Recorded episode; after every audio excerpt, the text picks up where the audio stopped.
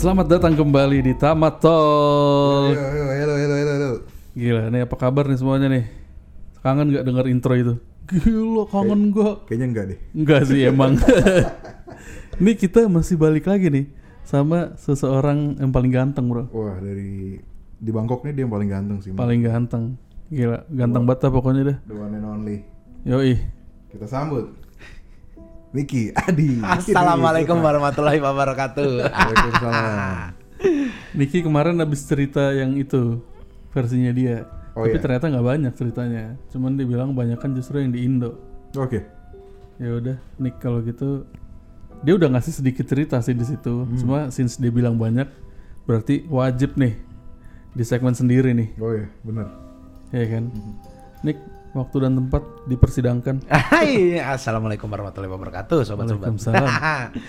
ya jadi eh gue tuh mau eh, kasih tahu nih. Jadi kayak, kayak kayak dari kecil tuh di rumah gue kayak yang paling paling sering bersinggungan dengan klinik tuh gue lah. Gue Lu? Ah, serius gue tuh kayak nggak tahu ya anak tengah yang paling keterbelakang kali nggak tahu gimana lah mungkin bahasanya kayak gitu ya. Maksudnya kayak jadi kayak gue tuh pasti eh, apa yang gue mimpikan tuh kayak pasti kejadian gitu loh. Serius. Serius, itu kayak beberapa case itu udah eh, kejadian gitu lah kayak gua mimpikan eh, bokap gua sedang melakukan apa tapi ternyata kejadian gitu loh. Dan itu tuh kejadian dari kecil dan itu tuh pasti jadinya ngigo gue. Gitu. Itu pasti ngigo terus ada dari kecil nah. Terus kayak eh, apa namanya ya kan gue sempat cerita tuh gue di jalan di puncak ngelihat ngelihat perempuan di pohon. Nah, terus kayak nah se berjalannya waktu tuh nah pernah juga kejadian. Jadi gini, gue pernah waktu itu di Bandung. Di Bandung di rumah eh, tante gue. Rumahnya tuh naik ke atas gitu loh karena kayu kan. Rumahnya tuh naik ke atas kayu. Itu tuh waktu itu kayak sore lah nggak nggak sore sih kayak siang mm, pagi menjelang siang gitulah gerimis. Nah cuman eh, itu tuh banyak bunyi anak ayam. Ini lo umur berapa? ah, mungkin kisar SD kali SD tapi gue ngeh banget ini Oke oke. gue inget banget kejadian ini nah itu tuh bunyi anak ayam ciap ciap ciap ciap ciap banyak banget banyak banget itu Itu ayam pengikutnya Atta Halilintar. bukan Siap, siap. itu asyap bang Sorry, sorry, sorry. Bukan siap, siap. ini anak ayam ciap ciap gitu Oh iya oke oke oke. Gila. Gitu, bro. kalau ayam kampus tahu nggak bunyinya Gimana aduh gitu? nanti itu beda cerita itu beda segmen beda segmen beda Ini ceritanya serem bro. oh iya iya lanjut, lanjut, bro. Iya, terus nah pas gitu tuh gue demam tinggi. Gue demam tinggi demam tinggi. Dan padahal di bawah tuh nggak ada anak ayam. Di bawah tuh nggak ada anak ayam cuman ada bunyinya. Terus gue dibawa ke kamar gue dibawa ke kamar. Pas gue melek itu tuh gue persis ngelihat tentara cuman bolong badannya. Mata itu bolong badannya tuh berdarah darah jerit lah gue gue nangis itu. Jadi kayak tentara zaman dulu tuh yang lagi Iya, yang gitu kita loh. gambarannya kayak pakai seragam gitu. Mm-mm, lu kebayang deh kayak tentara zaman dulu di Indonesia cuman matanya tuh bolong mulutnya tuh sobek gitu berdarah darah itu tuh berdarah darah kayak udah akhirnya terus dibawa dibawa sama bokap gua ke orang pinter terdekat. Nah kata kata orang pinter dia bilang oh nggak apa-apa itu mau ngejagain doang dia bilang. Tapi itu tuh kayak bener-bener gue tuh bener-bener ngeliat persis itu tuh gue dibawa ke kamar. Pertama dari kamar gue dipindah ke ruang tengah. Di ruang tengah tuh gue nangis lagi. Itu tuh gue ngeliat lagi dia. Dia tuh bener-bener kayak deket banget sama gue itu tuh kayak dadanya tuh bolong berdarah terus kayak kondisinya tuh bau amis gitu kayak wah chaos banget ya itu. Oh bawa amisnya juga lo nyium. gue nyium juga bau amis ya itu amis banget kayak anyir gimana ya kayak ayam lu diemin di luar 24 jam itu amis banget baunya nggak enak banget ya. Itu tuh kayak gitu kayak wah kacau sih itu. Udah pas gitu terus kayak enggak nggak apa-apa kok itu hantu cuma mau jagain doang dia bilang gini karena eh, ya dia gue nggak tahu gue nggak tahu deh sebenarnya cerita jelas gimana cuman bokap gue yang ngobrol sama orang pintar itu dan dan gue tuh kayak paling paling apa namanya ya ya ya mungkin mungkin kata kalau kata orang pinternya tuh kayak kalau gue eh, apa nama bahasanya mendalami ilmu putih tuh gue bisa kebal peluru gitu loh. Katanya sih gitu kebal peluru. Gue sih sebenarnya kalau bisa ilmu putih kebal miskin gue mau sih. Itu tuh kayak udah tapi nah terus ya terus terus kejadian lagi kayak ya setelah gue setelah lulus SMA lah setelah gue lulus SMA terus eh, apa namanya gue nih pergi sama temen-temen gue ke jeruk purut. Buset. Jeruk Purut tuh salah satu makam eh, tua juga di Jakarta ya. iya Itu banyak banget cerita-cerita yang spooky di situ. Sampai ada filmnya juga. Filmnya juga. Iya, yang terkenal mer- tuh yang pendeta apa pendeta bawa kepala nah sama lampu ini lampu apa sih? Petromak Lampu petroma. Nah waktu itu, jadi gue sempat dengar cerita juga di jeruk purut kalau eh, mertuanya om gue sempat kayak masuk ke jeruk purut terus dimuter-muter doang di situ nggak keluar berapa jam. Nah terus teman-teman gue tuh kayak, eh di jeruk purut tuh ada wisata horornya. Ternyata Wisata horor. Yes, jadi lu bisa bayar kuncen kayak dengan sejumlah uang dan beberapa bungkus rokok gitu. Oh, nanti dia dibawa ngider. Iya, ada beberapa tempat. Nah, waktu itu tuh gue pergi berdua belas orang. Gue pergi 12, buset. Kayak mau nganter rombongan umroh. 12 orang gue datang sama temen gue. Serius, temen gue yang denger ini pasti tahu kejadian ini. Datang nih masuk nih kita pertama. Namanya WAOO yang jaga kuburannya. Itu tahun berapa nih? 2011 berarti 2012 kejadian itu. Nah gua masuk nih kita. Nah terus dibawa, dibawa ke pohon gede pertama. Pohon gede. Nih kalian tunggu dulu di sini ya. Kita duduk nih berdua belas. Pertama sih nggak ada apa-apa cuman gelap gitulah. Terus kita ngobrol satu sama lain gitu kayak nah ngobrol lah biasa. Terus teman gua kayak ngomong eh eh, ini deh setelah kita minum. Jadi lu kebayang gak sih aqua satu setengah liter tuh? Aqua satu setengah liter. Kita kita kan bawa satu berapa botol tuh. Dia bilang udah kita minum. Habis kita minum kita putar kita cabut deh pindah tempat. Nah sebelum jadi ya kebayang lah. Baru berapa orang minum itu tiba-tiba temen gua ngomong eh udahan yuk kita pindah. Eh, ya udah deh yuk. Gue berarti gua nggak tahu kenapa ah, mendadak tuh ada sesuatu kan? Ada sesuatu tuh. Udah kita jalan nih kita kita kita kita kita jalan ke depan nah pas ke tempat terang lagi nih jadi ya kan lu kebayang lah masuk TPU tuh apa tempat pemakaman tuh kan di sebelah kanan tuh ada tempat-tempat orang jual bunga gitu kan cuman ini kan malam sekitar jam sebelasan masuk nih set, masuk kita tunggu di situ terus nanya dong sama temen gue eh kenapa tadi pada nanya kan kenapa kenapa kenapa ternyata punggung temen gue dielus bro Sampah. serius temen gue nih tahu ceritanya Ada yang nyentuh punggungnya. Heeh, ngelus. Wah, kayaknya udah ditandain nih mau suruh bubar nih. Wah, udah udah udah pas gitu. Nah, kita lanjut nih. Jadi ada beberapa tempat gitu loh. Nah, ke tempat berikutnya. Tempat berikutnya itu tuh kayak eh, apa namanya? Jadi tempat berikut ini pohonnya bisa ngerokok, Bro. Pohon Jadi, bisa ngerokok. Pohon ada asapnya gitu maksudnya. Enggak, jadi gini, ini ada rok. Jadi temen, jadi kan kita rame nih. Nah terus si kuncinya bilang, kalian masukin deh rokok ke pohon itu. Dimasukin nih rokok nih ke pohon itu. Set. Lu tahu nggak? Lu kebayang nggak? Rokok diisep sama nggak diisep kan cahayanya beda kan? Hmm. Ini tuh terang coy kayak diisep rokoknya. Hmm. Asli itu terang banget. Terus pas kita nunggu itu, itu tuh ada suara fantopel sama anjing ngejeng, ngeguguk. Kita nih positif aja kayak, oh ini kayaknya dari rumah warga kali di bawah. Kita rame-rame kan, kita kayak rame-rame ngobrol. Tapi ternyata rumah warga jauh. Lu tahu kan kalau su- eh, pastur tanpa kepala itu kan selalu bawa anjing ke mana-mana. Hmm. Dan itu ada suara pantofel kayak ketak ketok ketak ketok. Ih kayak orang mau berangkat kerja cuman kena kena ubin gitu. Gimana sih sepatu pantofel kena ubin ketak ketok ketak ketok. Jelas banget itu. Tapi suara. di situ nggak ada ubin kan? Iya keramik ini keramik kuburan. Oh, keramik kuburan ya. Iya, keramik kuburan ya. Lu bayangin jam 12 malam siapa pakai pantopel? Gue tahu emang dari Kemang nih, cuman kan kagak ke kuburan pakai pantopel. Nah, ternyata pas pas kita selesai itu kita sempat cerita-cerita nih sama kuncennya. Kayak, wah tadi gini gini gini di situ. Wah, untung kalian nggak dikencingin sama kuntilanak. Jadi kalau lu dikencingin sama kuntilanak, lu harus mandi di tempat lu dimandiin pakai bunga dan harus telanjang, coy. Dikasih tahu kayak gitu Dimandinya di mana? di tempat lu dikencingin sama kuntilanak. Jadi kalau lu dikencingin kuntilanak, lu nggak akan pernah bisa tahu kalau lu tuh bau bau mayat, coy. Yang bisa nyium orang sekitar lu doang. Itu dikasih tahu. Jadi kalau dikencingin kuntilanak, lu tuh kayak, lu kenapa sih bro? Lu tuh bau banget coy kayak bangke. Pad- Lu tuh nggak bisa nyium. Serius.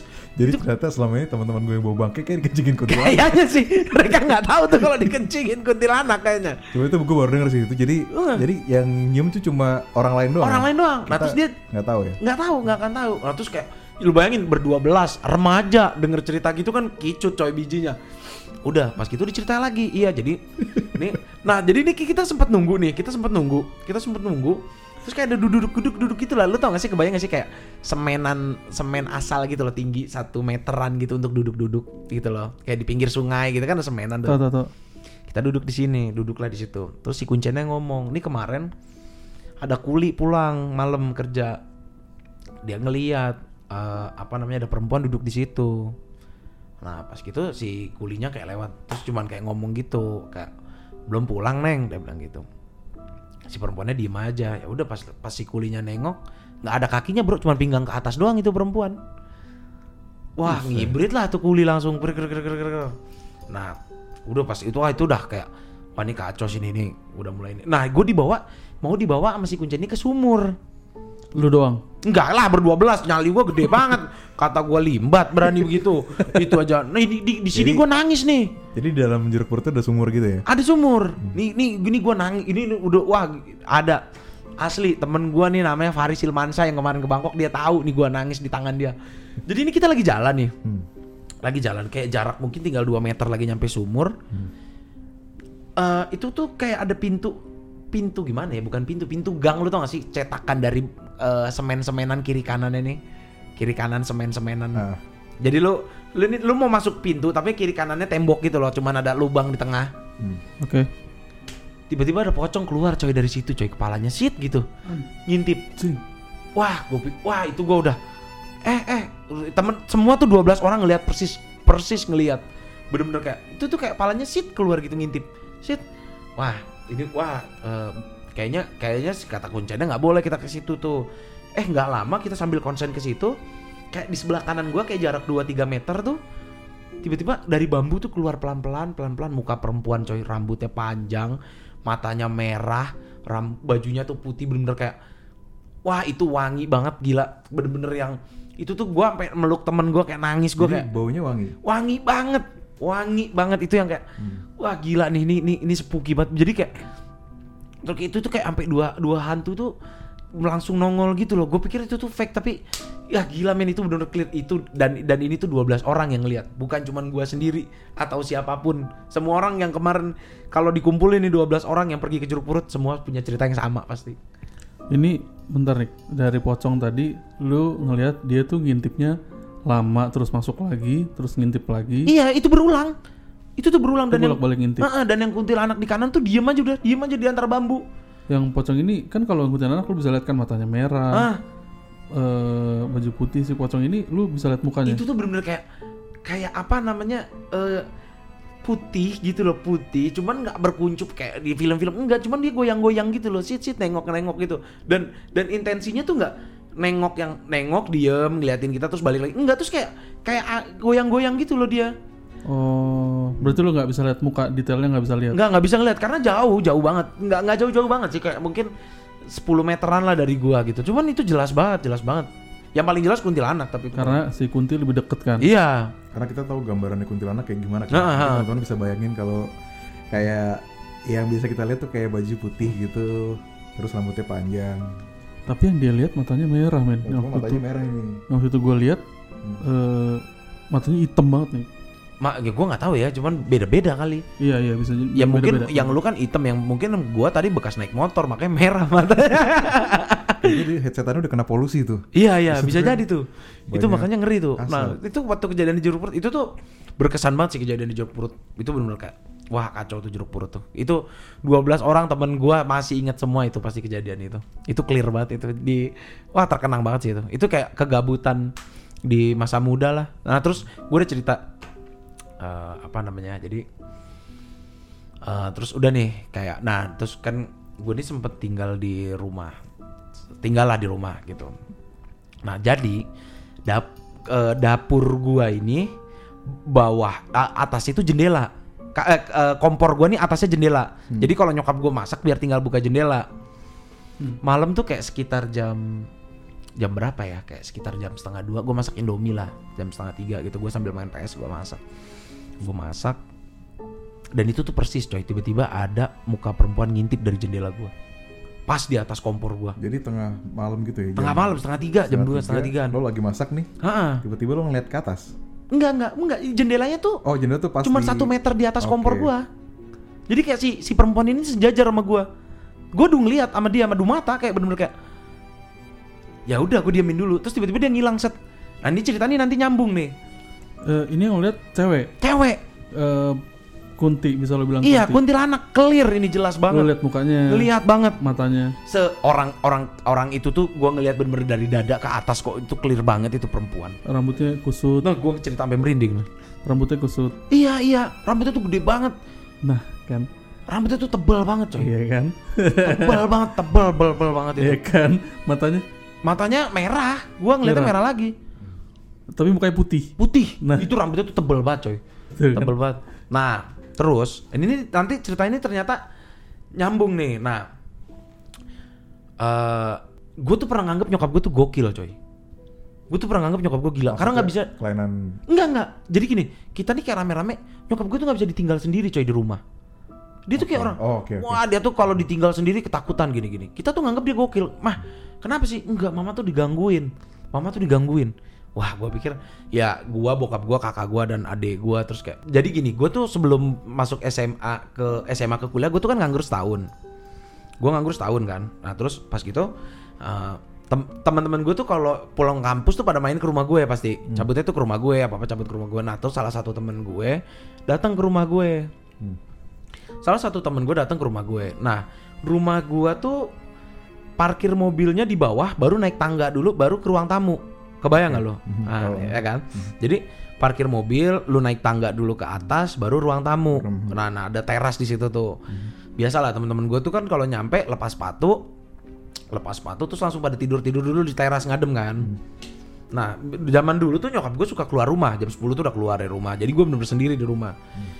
Temen gue lagi tidur di teras ngadep ke ruang tamu. Oke. Nah, tiba-tiba temen gua ngomong, Nick, katanya nyokap lu pergi. Kagak ada, lu lihat aja mobil gua nggak ada. Bokap gua pergi, bokap gua pergi. Terus tadi yang lewat siapa? Itu Lewat? temen, lewat, ada cewek lewat ses. Lewat da- dari depan rumah lu? Enggak, enggak, di dalam. Oh di dalam? Di dalam, di ruang tengah. Mau ke kamar nyokap gue. Mau ke kamar nyokap lu? Iya.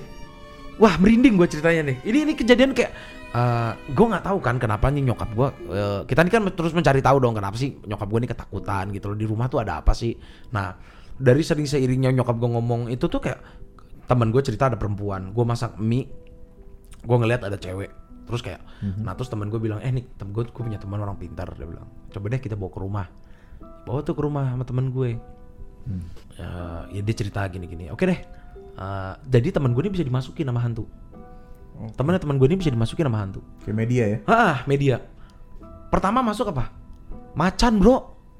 Oke. macan bro. Asli cuma ngaung doang raung raung Kayak kita lihat di TV-TV tuh. Iya. Wah, gua kayak aduh kecot, kecot banget itu. Udah. Nah, terus diganti nih, dia ganti nih. Ternyata perempuan yang abis itu masuk. Si perempuan ini tuh ngomong, "Iya, saya tuh tinggal di depan." Dia bilang di depan rumah gue.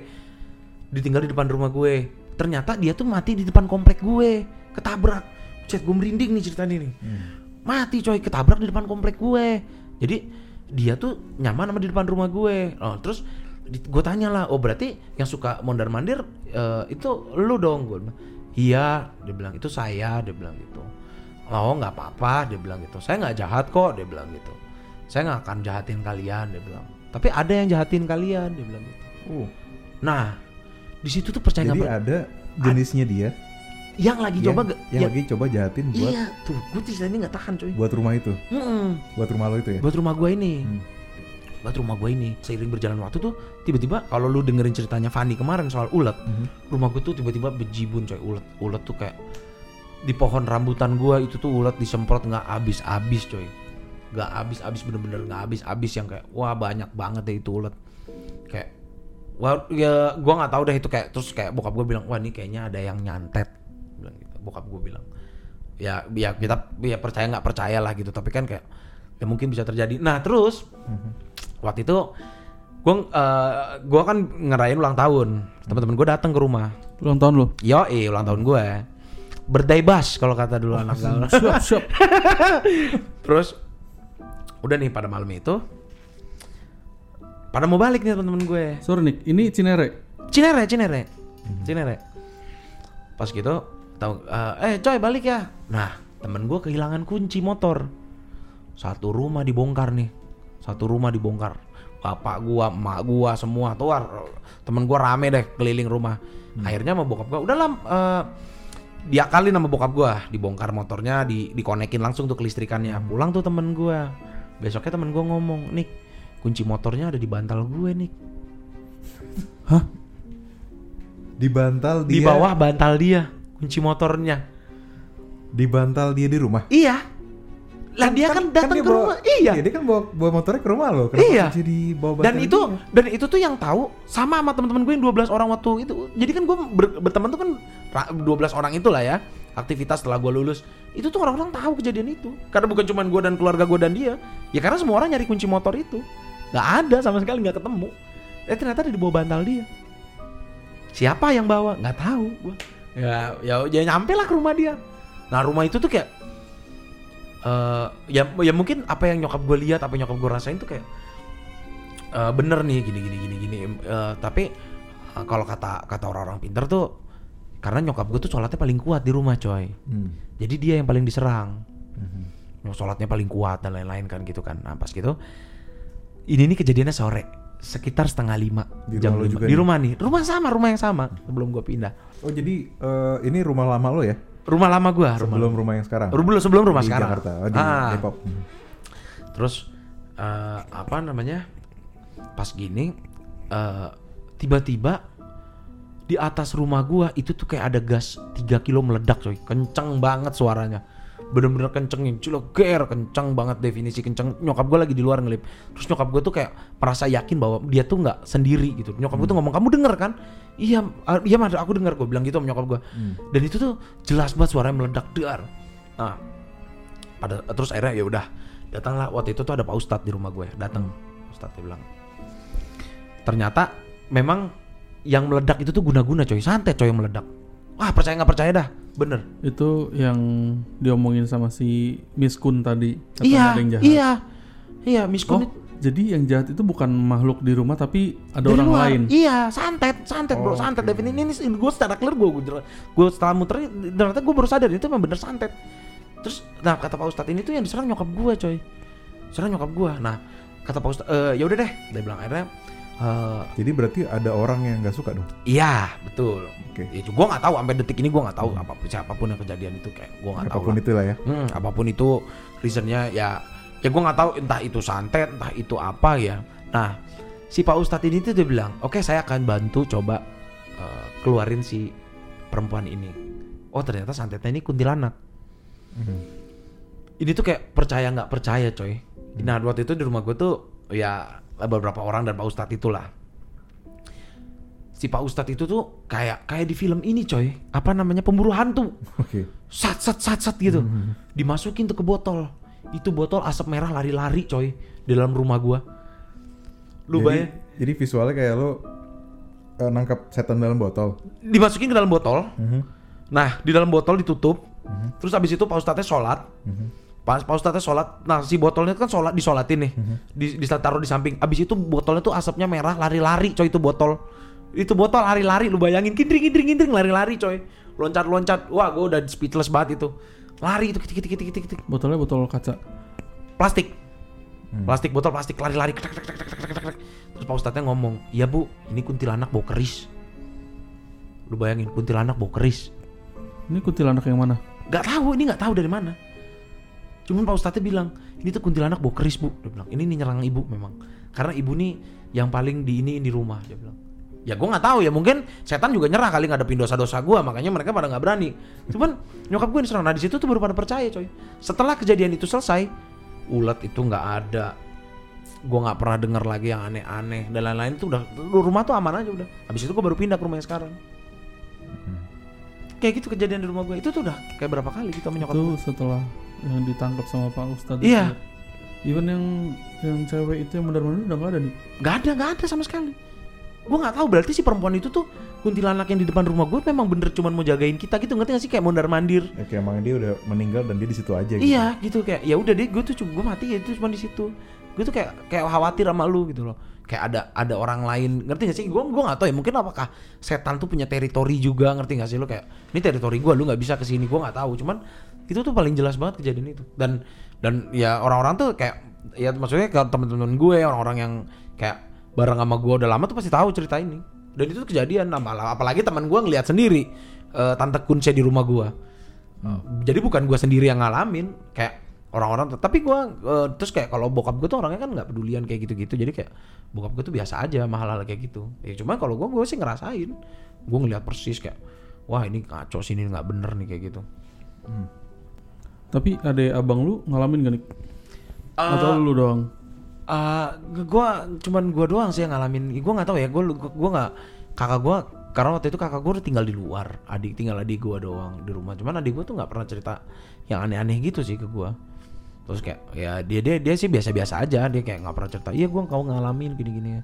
Ya yang banyak temen gua kejadian dua kali. Gua berapa kali di rumah nyokap gue. Bokap gua kalau bokap gua orangnya nggak suka cerita-cerita kayak gitu sih. Cuman kayak ya dia kayak ya nggak tahu mungkin bokap gue nutup nutupin biar nggak tahu. Karena pada waktu itu pada saat itu tuh hektik banget. Karena sampai gue bisa menganggap kayak kita ini satu rumah kayak nyokap ini kenapa gitu loh.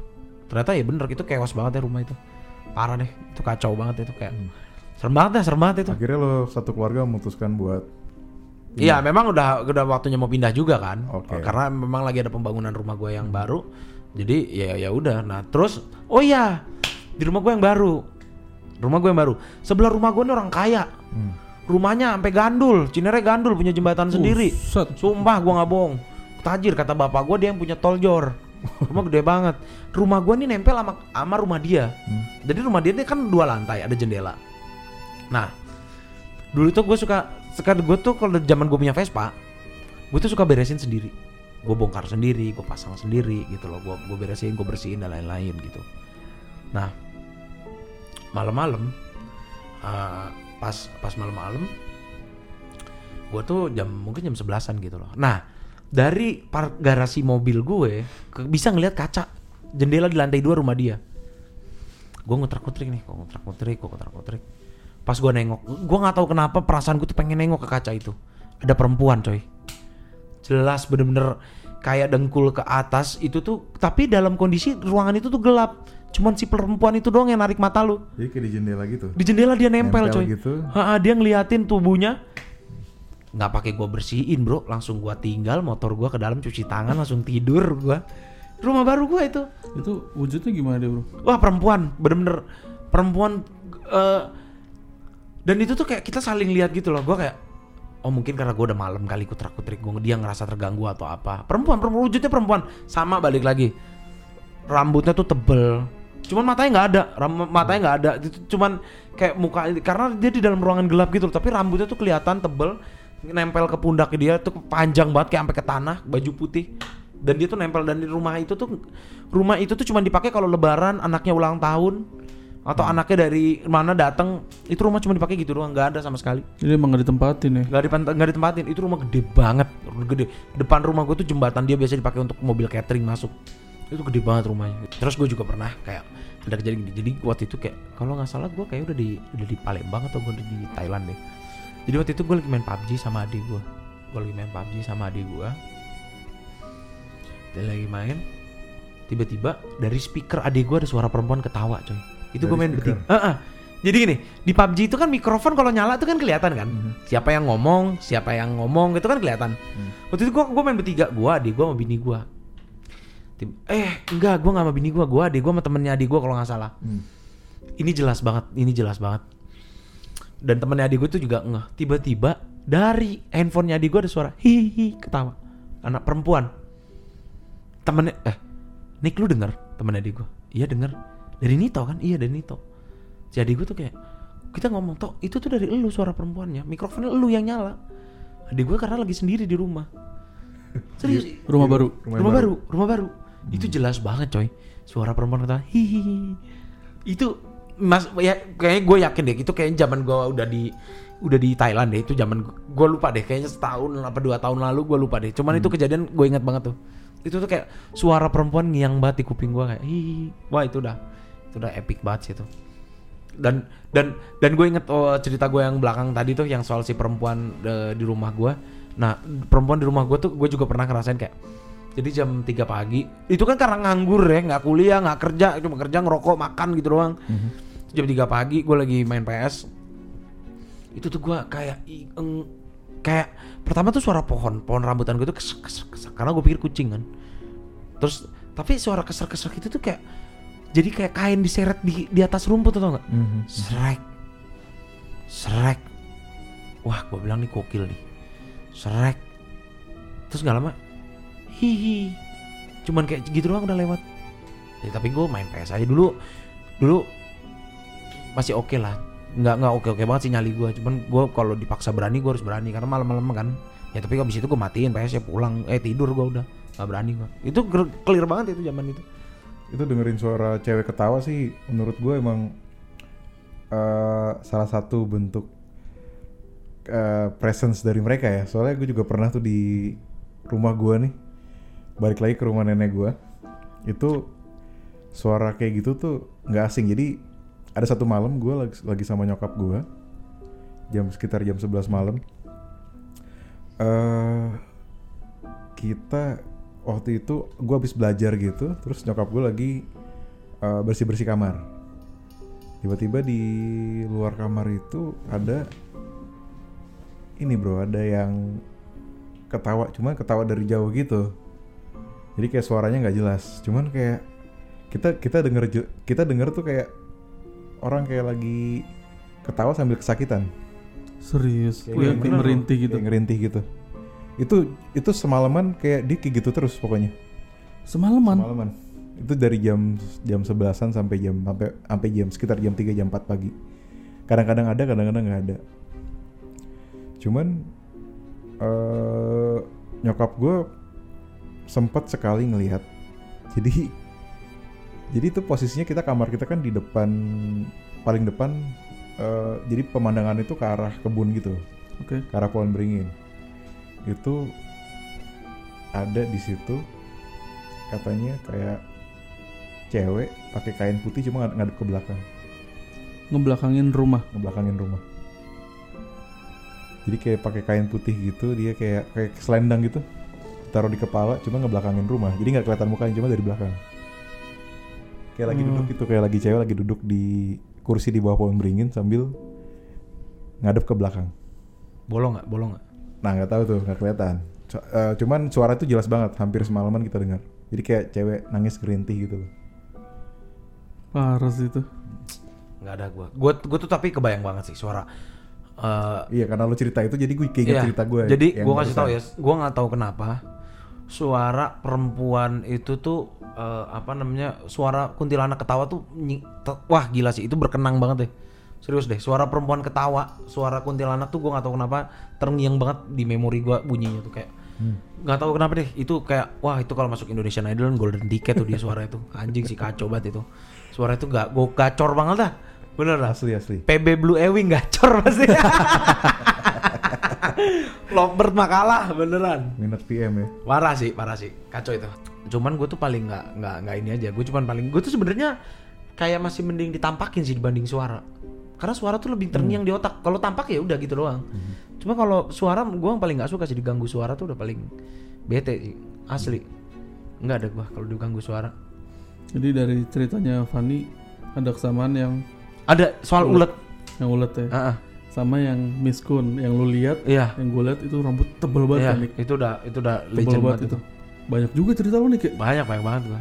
Itu pun yang ada sebagian yang gua udah lupa kali. Banyak banget sebenarnya kejadiannya. Kalau Tapi mungkin kalau menurut gua karena perbedaan kali ya. Karena kalau lu ke Thailand lu tuh nggak terlalu nggak terlalu apa ya kalau lu keluar dari Indonesia lu pasti udah jatuh jaya jadi jauh nggak percaya mana namanya klinik gitu kayak ini Iya, tempatnya angker Cuman sialnya sih pertama kali kita ke Thailand malah disambutnya sama begitu. itu dia gua ngerasain sialnya tuh ngerasain lagi anjrit gua bilang padahal walaupun sekarang di depan kondo gue tuh ada sekolah ya kalau malam tuh kosong gitu apalagi sekarang kan semenjak di lockdown kayak gini gue tuh tapi biasa aja gitu loh di sini tuh gue jalan turun jam 3 pagi nyuci jam 2 pagi. Gue nggak takut setan kalau di sini.